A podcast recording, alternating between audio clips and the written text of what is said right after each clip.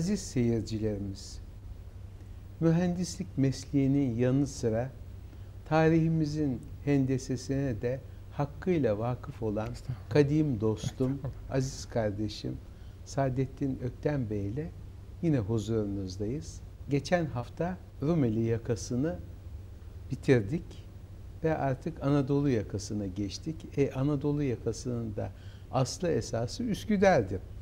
Onun için Üsküdar'da bir takım bize ışık tutan yerlere sizlere hatırlatmaya çalışacağız. Neden başlayalım? Efendim tabii şimdi eski zamanda Anadolu, Rumeli'den Anadolu'ya sandalla veya kayıkla evet. geçiyorlar. Ee, geçtikleri zaman da geldikleri yer Üsküdar Meydanı, Üsküdar İskelesi.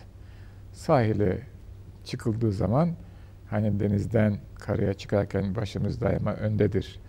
Dikkat ederiz iskeleye adımımızı atarken. Attıktan sonra başımızı kaldırdığımız zaman gördüğümüz eser hangisi? Ondan bahsedelim. Evet.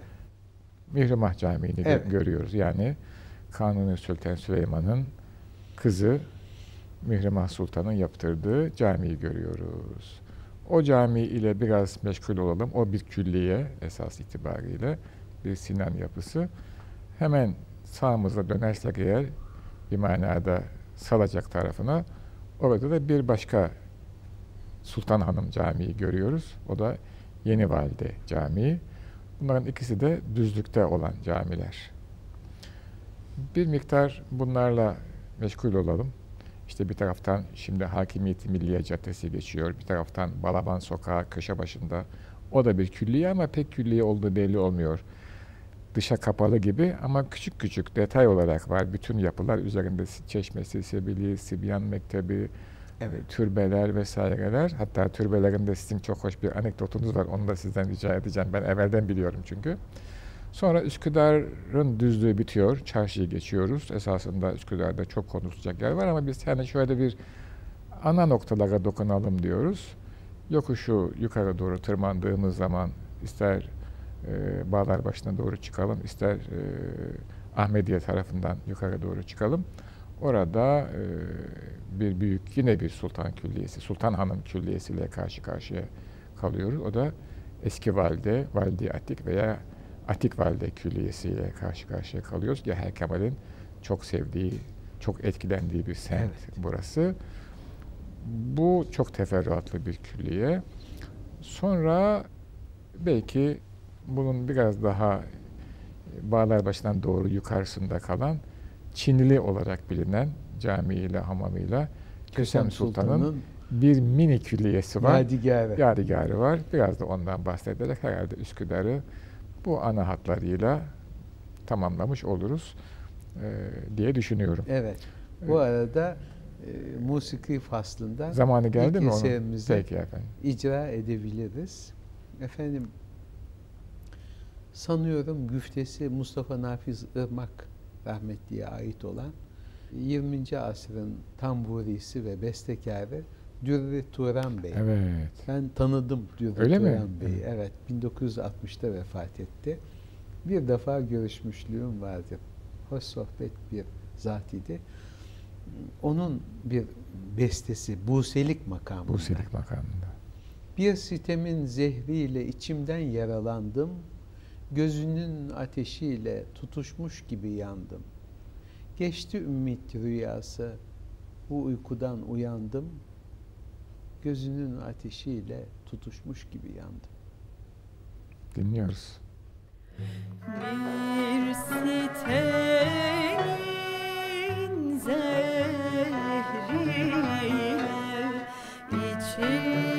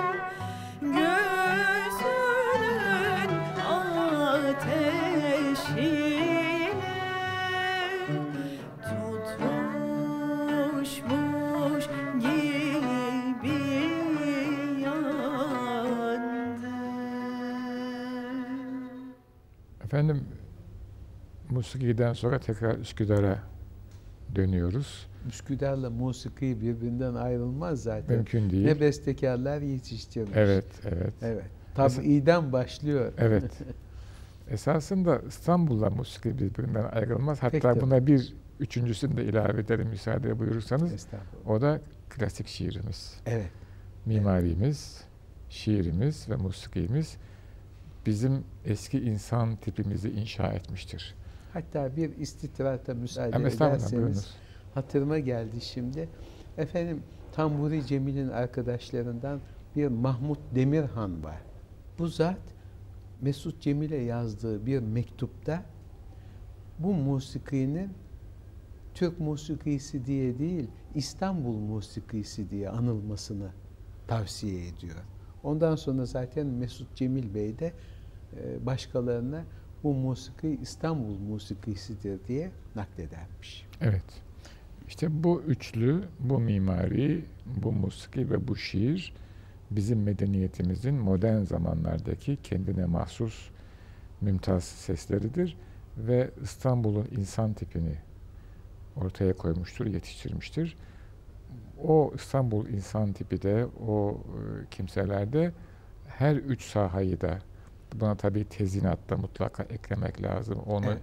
ve hattı mimarinin içine onu dahil ediyoruz. Ee, O insan tipini biz kısaca İstanbul beyefendisi diye tarif ediyoruz, isimlendiriyoruz. Ama buradaki beyefendi tabiri bir maskülen feminen ayrımını ihtiva etmemektedir. O bir e, tariftir, bir isimdir. İstanbul hanımefendisi, İstanbul beyefendisi, İstanbul insanı hepsini ihtiva eden bir tabirdir bu. Ben eski büyüklerimden işitmiştim. E, telaffuz çok önemlidir derlerdi ve bunu da ilk defa İstanbul'da yetişen çocuklar annelerinden öğrenir Evet. derlerdi. Ana dil. Ana dil, Evet. evet, yani o vurgular, seçilecek kelimeler, kelimelerdeki entonasyon, onu derlerdi, insan annesinden öğrenir. Onun için Tanpınar'ın hani bir hanım tarifi vardır Huzur romanında. Belki çok konu dağıldı ama hemen toparlayacağım. Bir hanımefendi İstanbullu olmalıdır ve Boğaz'da yetişmiş olmalıdır der Tanpınar. Zaten asıl Türkçe'ye İstanbulca demek daha doğru. Evet. Evet. Çünkü mesela bu hani laf lafı açıyor. Hannover ve civarındaki Almanca'ya Hochdeutsch diyorlar. E, Oxford İngilizcesine diyorlar. Paris Fransızcasına niçin İstanbul Türkçesi demeyelim ki Halit Ziya da bunu söylüyor Evet. zaten. Yani. Evet neyse biz çok dağıttık belki ama esasında bütün bunlar Üsküdar içinde e, varit olan hususlar. Ben deniz e, tarihi yarımada da doğdum, büyüdüm ama tabii Boğaz'la çocuk yaşımdan beri ülfetim oldu aile itibariyle. Üsküdar'dan da çok sık geldik, geçtik efendim yani burada e, zaman geçirdik. E, Camileri, türbeleri, mezarlıkları, tekkeleri ziyaret ettik, dostlarımız oldu. Ama sonra sonra şunu fark ettim ki Üsküdar İstanbul değil, farklı bir versiyon, Bir farklı, ulu rüyayı görenler şey. farklı bir renk. Evet. Ve şu nokta e, sonra İstanbul'un diğer semtlerinde de bir miktar tanımak nasip olunca geçenlerde de bu programlarda bahsetmeye çalışmıştım. Yani bir şehrin içinde bu kadar yakın mekanlarda bu kadar nüans, bu kadar renklilik nasıl olabiliyor? Belki işte o bizim eski medeniyetimizin her insana ayrı bir değer veren, onları tek tipe sokmayan, onları tek boyda kesmeyen, onlara kabiliyetleri nispetinde imkan açan e, esprisinden, ruhaniyetinden, insana değer veren e, kıymetinden kaynaklanıyor diye düşünüyorum. İstanbul'a bir mil mesafede denizden ama bu kadar farklı, İstanbul'u hiç reddetmeyen ama ondan ciddi fark gösteren, e, her davranışıyla, yemesiyle, içmesiyle, muaşeretiyle, kullandığı kelimelerle sanat sevgili bir Üsküdar var karşımızda. Ve bunda abideleri var. İşte bir tanesi bunlardan e, Mihrimah, Mihrimah Sultan Külliyesi. Denizden yüksek, fevkani bir yapı. Tabii o zaman yine deniz bu kadar sahilde değil, biraz halen o da Üsküdar bir körfezmiş esasında. Tabii doluyor zaten. Evet. Şemsi Paşa bir burundur e, malum. Evet. Sonra orada tabii doluyor. Normal bu yani. Bazen de biraz kasıtlı dolduruluyor. O normal değil. Onu da söylemek isterim. Bir külliye, bir Sultanahmet Külliyesi ama bunun bir kardeşi var. Bu külliye kardeşi kadar iddialı değil. Kardeşi Edirne kapısında olan külliye. O Fevkani Camii, muhteşem bir yapı. Ee, bu da bir Sinan yapısı, o da bir Sinan yapısı ama bir farkları var. Bu çifte minareyle takıyor. E, biraz, evet, evet. bir, bir fark var arada, evet. Ben tabii kitle olarak bakınca öyle gör, gördüm. Burada efendim çok hoş bir enteriyor var bu caminin. Çok munistir. Şey, biz yakında tekrar bir nasip oldu. Ee, son cemaati var ve arkasında bu muhit camilerinde gördüğümüz, gerçi Kılıcalı'da de vardır o. Bir e, saçak var, kurşun kapı, evet. bir ahşap saçak. O da ayrı bir neşe getirir bu yapılara.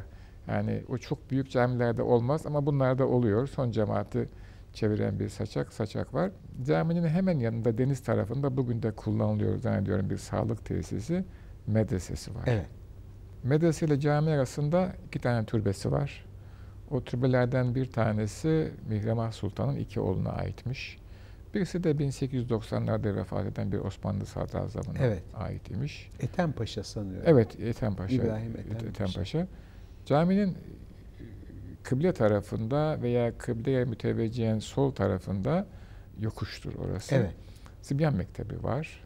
Tabii şimdi Sibyan Mektebi deyince aziz seyircilerimizin bilenler muhakkak e, biliyorlardır ama yeni nesiller için söyleyelim. Bu bugüne göre basit bir yapı oluyor. Zaten nüfus az. Çocukların 4 yaşında 4 aylıkken başladığı bir mektep belli bir eğitim veriyor. Sonra hususi eğitim oluyor, medrese eğitimi oluyor. O bahsettiği yer bir veya iki oda, işte bir çeşmesi oluyor altta. Umumiyette fevkani olur o yapılar. Böyle bir mektep ama mutlaka oluyor bu mektep yani. Bütün külliyelerde böyle bir mektep, bir medrese de mutlaka var.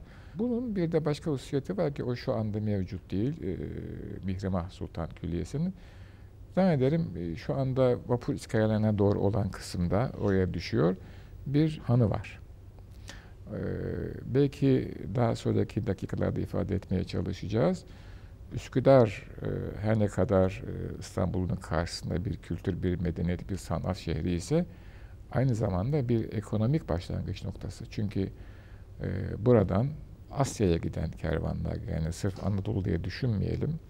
E, İpek yolunun başlangıç noktası gibi de düşünürsek eğer e, ve, ve tabii sure alayları buradan yola çıkıyorlar.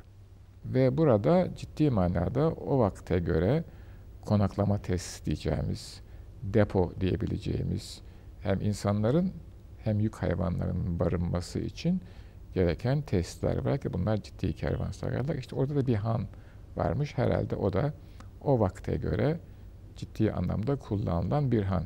Tabi bu hanları Selçuklu kervansaraylarıyla karıştırmamak lazım. Yani Selçuklu kervansarayları Anadolu'da artık dünya ticaretinin bir ekseni Anadolu'dan geçerken yapılan muhteşem yapılar. Evet. Ama Osmanlı devrinde deniz yolu kullanılıyor. Asya limanları kullanılıyor. Yani Osmanlı coğrafyasına baktığımız zaman Selçuklu gibi sadece Anadolu'ya sıkışmış değil Osmanlı. Evet. Akdeniz limanlarını kullanıyor, Karadeniz limanlarını kullanıyor, Adriyatik limanlarını kullanıyor. Ama hala İstanbul ve Üsküdar e, ciddi bir ana arterin e, başlangıç noktası olarak düşünülebilir. Böyle bir kurşunlu han varmış ama o şu anda yok. Yok. Yıkılmış. Ben de artık neredeyse 70 yıl evveline hatırlıyorum Üsküdar'ın. O zaman da yoktu. Hatırladığıma göre 1900'lerin başlarında yapılan e, resimlerde, çizilen krokilerde veya alınan fotoğraflarda o Mevcut. mevcutmuş. Evet yani ama tabii şu anda e, onu bilemiyoruz ama yani Üsküdar'da bir han düşünmek benim hoşuma gidiyor yani bir anlamda bir mazi bir aktivite bugünden farklı. Evet. Böyle konaklama tesisleri bana adeta bölgeler arası, ülkeler arası bir ölçeği hatırlatır. Yani mahalli olmak belki güzeldir ama insan zaman zaman da yani uluslar arasını, ülkeler arasını bu uluslararası tabiri çok kullanılıyor ama ben onu çok real bulmuyorum. Yani benden de küçük bir istitrat kabul buyurursanız. Çünkü ulus her zaman yok. Ama ülke her zaman var. Yani mesela bir dönemi anlatırken 13. asır, 12. asır, 10. asır ticaretini anlatırken uluslararası sözü bana çok anlamlı gelmiyor. Ülkeler arası daha anlamlı geliyor. Ee, o yani bir vizyon olarak var. Mesela Bu arada e, şu tabii şu anda çok e, vurgulu o. E, havalimanları çok benim ilgimi çeker. Çünkü orada gerçek manada işte ülkeler arasını hissedersiniz. Ama tren istasyonları artık o kadar değil, değil. Türkiye için söylemek gerekirse. E, liman da o kadar değil. Bizim çocukluğumuzda liman mühimdi. Oo, e, Karaköy limanı evet. ama şimdi değil. İşte Üsküdar şeyle başlıyor. Mihrimah Sultan Camii ile başlıyor, evet. külliyesiyle başlıyor. Klasik bir Sinan yapısı. Net, tezinatı fevkalade az. Bütün mimari unsurlar kendi içinde var ve fonksiyonlu. Böyle bir klasik Sinan yapısı. İsterseniz şimdi oradan sağ tarafa doğru dönelim. Gülnuş Valide evet, Sultan'a. onu da sizden bir evet. dinleyelim efendim. Yani. Efendim Gülnuş Valide Sultan hem Sultan II. Mustafa'nın hem de Sultan III. Ahmet'in valideleri vefat etmiş. 1700'lerin hemen başında onun namına oğlu Sultan Ahmet bu külliyeyi yapmış. Şifahane dışında tam teşekküllü bir külliyedir bu da. Ve sanat tarihçilerinin kabulüne göre son klasik cami. Evet. Çünkü ondan sonra barok girmiyor. Barok girmiş. Evet. evet. Geçenlerde bahsettik evet. mesela Nuri Osmaniye evet. Camii'nden onun gibi. Bu sebeple hususiyeti olan bir cami ve Üsküdar'a şan veren bir cami. Dikkat buyurulursa mührimahtan daha gösterişlidir. Evet, evet. Evet. evet. Her şey. E biri padişah camii, biri padişah kızının camii. o kadar olsun. Evet. Üçüncü Ahmet de bizdeki padişah seviyesinde usta hattatlardan olduğu için oraya iki celil sülüs levhasını koydurmuş. Bir tanesi cennet anaların ayağı altındadır mealindeki el cennetü tahte aktamil ümmehat hadisi. Evet. Çok manidar tabii. Annesi, Annesi için evet. yaptırdığında. Evet. Efendim biraz daha ötede e, Şemsi Paşa veyahut Kuş Konmaz, Kuş Konmaz denilen yine Sinan yapısı evet. hakikaten bir mücevher gibi sahile konmuş bir cami var. Pek ona giremeyeceğiz galiba. Evet. Yukarıda Ayazma var. Evet. Ona da giremiyoruz evet. çünkü vakit meselesi. Vakit Ama biz meselesi. hem dokunup şöyle Dokunalım, bir geçelim. tabii. Ee, en Ayazma'da, azından isimlerini söyleyelim. Evet. O da Rum Mehmet Paşa mıdır öteki de? Rum Mehmet Paşa, Fatih, Fatih devrinden kalan efendim. büyük kemerli, tuğla kemerli evet, cami. Evet. evet. Daha Sinan öncesi evet, işte. Onun da estetiği kendisine göre de gene Bizans'ı orada koklarsınız yani. Evet. Üçüncü Ahmet e, diye tabi anılmıyor da Gülnuş Emetullah Valide Sultan diye çok hayırsever bir hanım. Ee, siz hatırlayacaksınız gençliğimizde hmm, Simkeşhane'nin önünde de onun yaptığı Tabii. bir mektep, evet. bir sebil, sebil var. vardı. Tramvay geçerdi önünden. Tramvay geçerdi. Yol gayet dardı Onu orada. 1958'de filan yıktılar, kaldırdılar. Evet. Şimdi efendim bir başka musiki parçasına geçme zamanımız gelmiş. Ama bizim Valide-i Cedid Camii'nin devam hakkımız baki. Evet. Buyurunuz evet. efendim. Efendim Üsküdar için pek bilinen, yaygın olan, herkesin tekrarladığı Katibim türküsünü evet. teberrüken icra edelim dedik. Ne güzel. Şimdi sıra onda. Ne güzel efendim.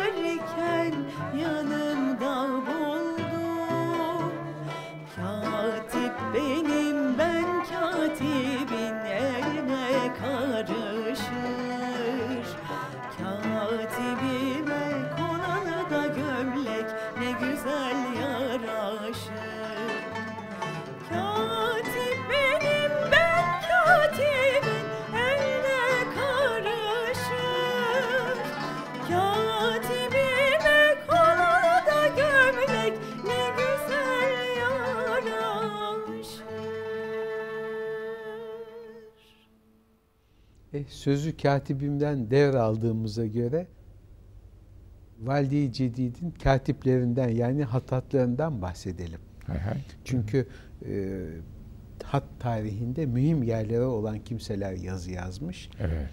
Bir kere Celi Sülüs yazılarını Bursalı Hezarfen Mehmet Efendi yazmış. Lale devrinde pek mühim bir sanatkardı.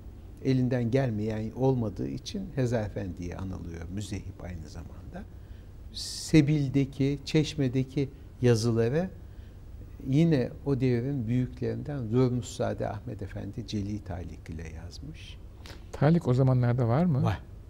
Talik bize e, kanuni devrinden evvel giriyor ama mesela Sokollu'nun e, türbesi üstünde Talik yazı vardır. Esas 17. asrın ikinci yarısında İran'dan İmad'ın bir talebesi gelerek o mektebi bizde yaymıştır ve Türk taliki Yesari ile başlamıştır Yesari daha sonra. Yazılarda bunlar türbe açık türbedir. O Emetullah. Evet. evet. Sultan'ın türbesi. Yol üstünde. Bugün Yol üstünde. Ha, yol hafifçe bir kavis yapıyor Evet. orada.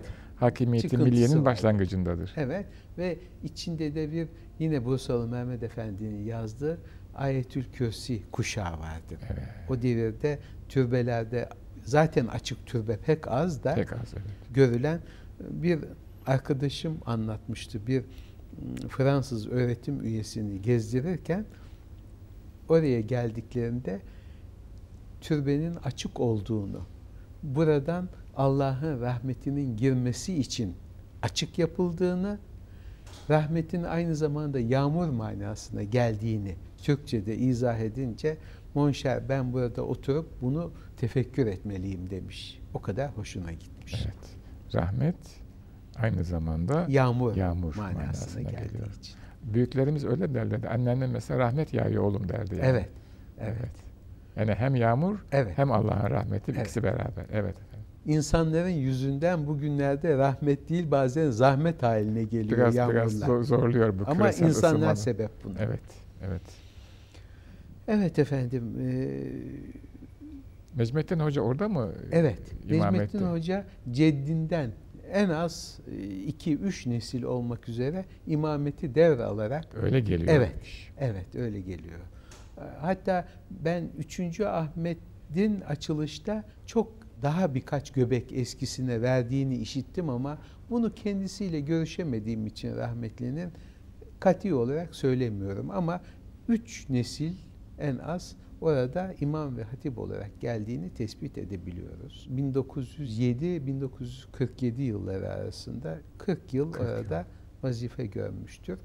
Ve e, cami dışında pek çok sanata da el atmıştır. Hattatlık, e, ebruculuk, efendim mücellitlik, gülcülük, okçuluk. Okçuluk, evet. Bunlara girersek sonu da yetmez bu programı. Evet.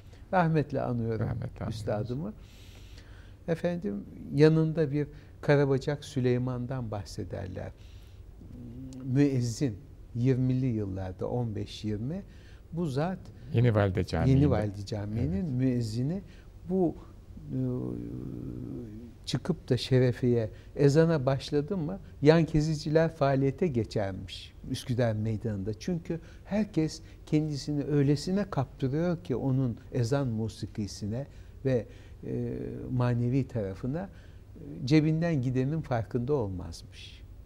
Sonra başka mesela Hendekli Abdurrahman Gürses de bir ara müezzini olarak bulunmuş hocam. Birazdan önce. Çok evvel. Çok evvel. Yani 1930 başlarında. Evet. Efendim böyle e, Üsküdar e, ileriye gidince daha pek çok anılacak camiler var ama vaktimiz yok. Aziz Mahmut Hüdayi'den nasıl bahsedemeyiz? Evet. Efendim Ahmediye Külliyesi'nden. Evet. Bir şimdi Atik Valide var. Evet. Esas Atik anlatmak var. istediğimiz. Tabii şimdi Üsküdar'da bizim yetiştiğimiz zamanlarda sahilde tütün deposu vardı. O hangi akla hizmet oraya yapılmışsa. Bir utanç abidesi. Evet. Onun için rengi belki kendiliğinden kızarmıştı onun. Olabilir evet yani. Ee, fakat ondan sonra da bazı istimlaklar yapıldı. Onu belki daha sonra konuşacağız. Yani Balaban semti e, artık yok oldu. Tamam. E şimdi de tabii bir başka veçeye doğru Üsküdar bürünüyor. 3-4 seneden beri bir büyük şantiye Üsküdar Meydanı. Çünkü Marmaray projesi. Evet. Ama tabii öyle bir projenin Üsküdar'a tahmin edeceği yük nedir? Neler değişecek, neler değişmeyecek? Çünkü büyük çapta bir yatırım. O zamanla anlaşılacak. O zamanla anlaşılacak. İnşallah iyi olur İnşallah diyelim. tabii. Biz isterseniz yavaş yavaş yokuşu tırmanalım. E, Atik Valide'ye doğru gelelim. Evet. Efendim e, niye Atik Valide, niye Yeni Valide dedik? İsterseniz oradan Tabii. başlayayım bendeniz. Bu tarih itibariyle böyle oluyor.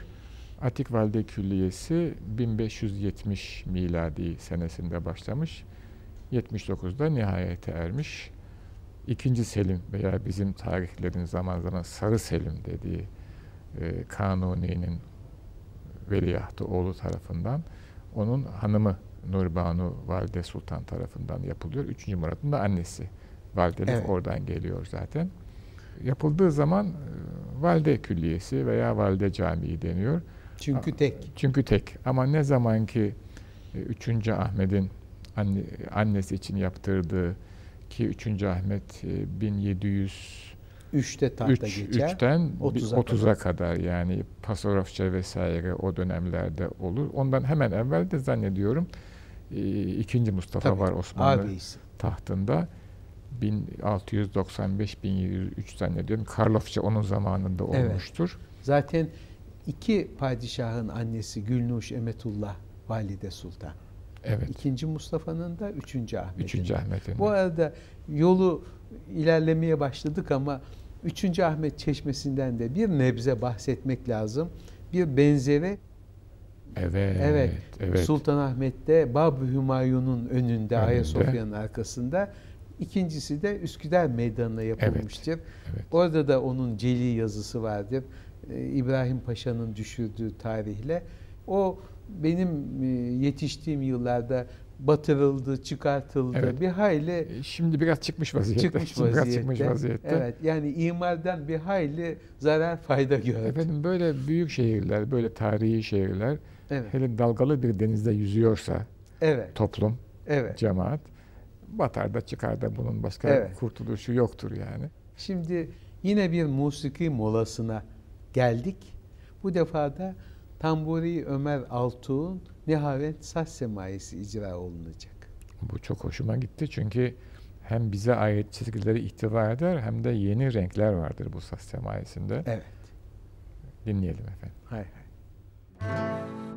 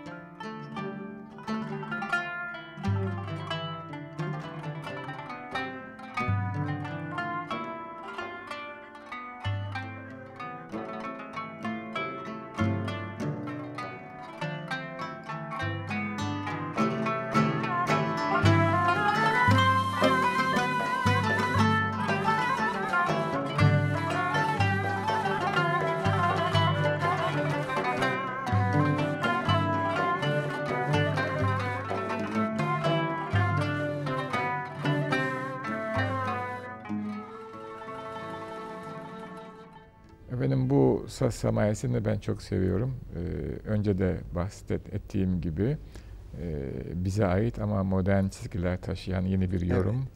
Evet. Ee, inşallah e, bu ve buna benzer bizi yansıtan eskinin devamı olan yeniler gelir, gelecektir. İnşallah. Bunu ümit ediyorum. Şimdi efendim biz e, Mihrimah'ı ziyaret ettik. Ondan sonra geldik Valide-i Cedid'de, Yeni Valide'de tevakkuf ettik. Yeni Valide'nin türbesini özellikle gördük. Arkada Balaban'da Arastası var. Ee, üstte Fevkani yine Sibyan Mektebi var.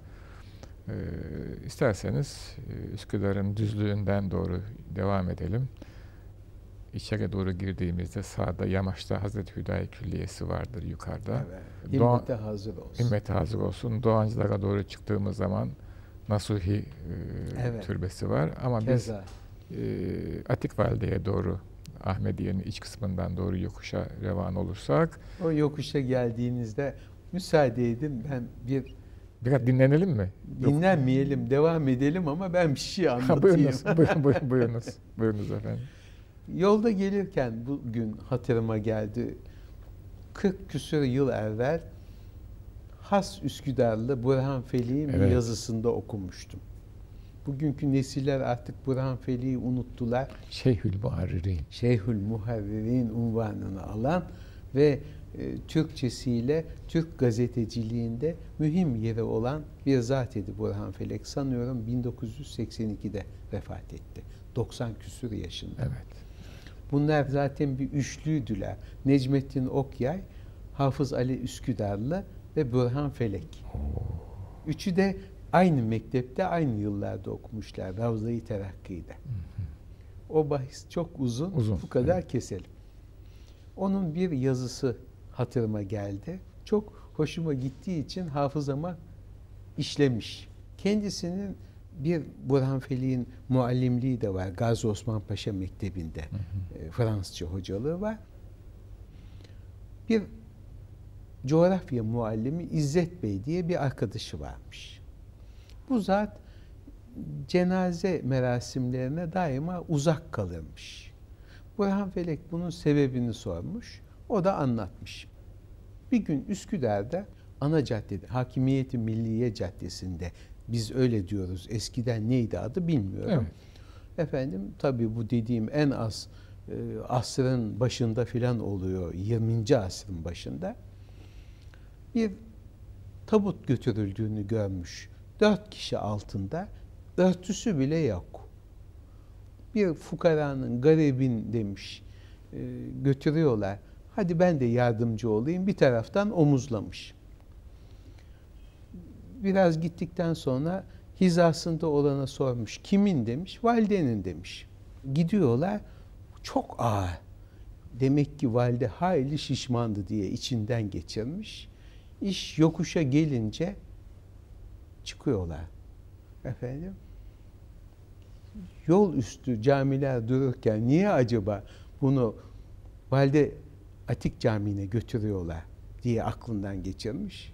Ona rağmen dayanmış. Kimse de yardıma gelmiyor. Dört kişi sadece. Gelmişler Atik Valide Camii'ne. Musallaya konmuş tabut. Derken öndekilerden biri kapağını açmış O zaten kapak açılışına şaşırmış. Bir de içinden çıka çıka mihrabın iki kenarına konan e, büyük mumlardan bir tanesi. Aşağıdan bir yerden getiriliyor. O ne sebeple değişecekse bu kendiliğinden girdiği için kimseye de bir şey diyememiş. Sorduğunda da validenin demiş adam. Doğru söylüyor. Valide Atik'in mumu. mumu. Fakat Ama cenazesi değil. Değil.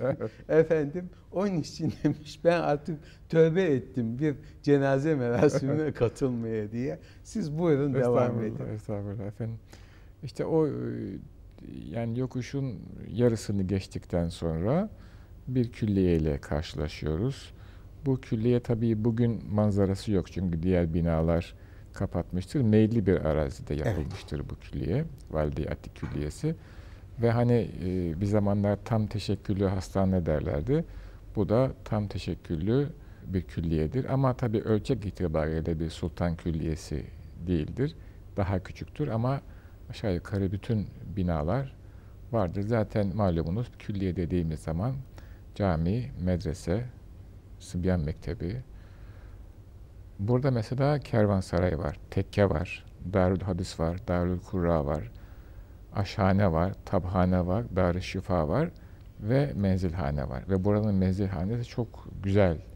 Yani ciddi bir menzilhanedir ve halen mimarhanesi o var. Mimarhanesi var. Evet. Evet. Ee, bir de seyircilerimize ifşa edelim mi? Biz Atik Valide Medresesi'nde bu çekimleri yapıyoruz. Evet, evet. Şu anda e, Nurbanu Valide Sultan'ın himmetiyle bitmiş olan, yapılmış olan ve zamanımızda da iyi bir restorasyon görmüş olan evet. Atik Valide, Valide Külliyesi'nin medresesinde bulunuyoruz. Evet. Hem de, hem de dershanenin karşısında oturmuş vaziyetteyiz. Bu sohbeti orada yapıyoruz. Efendim bu bir Sinan yapısı. Tabii şimdi Sinan yapısı dediğimiz zaman yani Sinan döneminde Sinan'ın ser mimar olduğu Hassa Mimarlar Ocağı'nın yapısı. Çünkü imparatorluğun daha doğrusu devlet Aliye'nin bir ucu Budin'de, bir ucu Haremeyn'de, e, bir ucu Bağdat'ta, efendim bir ucu Libya'da, Trablusgarp'ta diyebiliriz. Evet. Her tarafa Sinan'ın o zamanki şartlarda yetişmesi mümkün değil ama onun eğittiği, onun e, riyaset ettiği bir medeniyet grubu ki bunlar teknik adamlar, mimarlar bu binaları yapıyorlar. Bu da böyle bir yapı. Bu yapının caminin hususiyeti şöyle. Hani burada sanki çift avlu var gibi cami haremine girmek için. Cadde tarafından geldiğiniz zaman yukarıdan Nuh Kuyusu Caddesi'nden köşede bir Kartal Baba Camii vardır. Oradan denize doğru döndüğünüz zaman ki o da bir tekke camidir. Sonradan ihya edildi. Tabi üzerine işte imkanlar nispetinde ve tabi görgü nispetinde Şimdi imkanlar her zaman mahduttur ama görgünün mahdut olmasını ben çok kolay kabullenemiyorum. Aynı imkanlarla farklı bir görgüyle çok daha güzel, çok daha bizi yansıtan evet. eserler yapmak mümkündür ama öyle olmuş. Zaman gelir düzelir inşallah diyorum. İnşallah. Altta kabirler vardır. Oradan aşağı doğru, denize doğru meyillenen yolu epey yürüdüğünüz zaman e, caminin e, kıble tarafına ki büyük kapıya gelirsiniz. Oradan bir avluya girer. Orası musalla avlusudur. Önde hazire de vardır. O avludan sonra bir ikinci avluya daha girilir. İşte o avlu caminin esas avlusudur. Ee, geçen programlarda söylemeye çalıştık. Özellikle bu Tophane ile Dolmabahçe arasında yollar yapılırken sahil yolu birçok caminin yani kelimeyi kullanayım izin verirseniz avluları budanmıştır adeta. Camiler dalsız budaksız kök ağaç gibi kalmıştır. Burada çok şükür öyle bir durum yok. Çünkü yol geçmiyor buradan ana yollar. Yani mimar sizi alır bir manada e, yavaş yavaş müşahıstan mücerrete doğru götürür. Bu caminin bir hususiyeti altıgen plan birçok Sinan yapısında olduğu gibi orta büyüklükte bir cami ve çok güzel ışık oyunları, ses oyunları var bu camide. Deyip programımızı kapatacağız. Evet. Çünkü efendim. zaman doldu. Zaman doldu efendim. Evet. Aziz seyircilerimize hayırlı geceler diliyoruz. Atik Valide'den sağlıklar, mutluluklar, sevgiler sunuyoruz efendim. İyi geceler.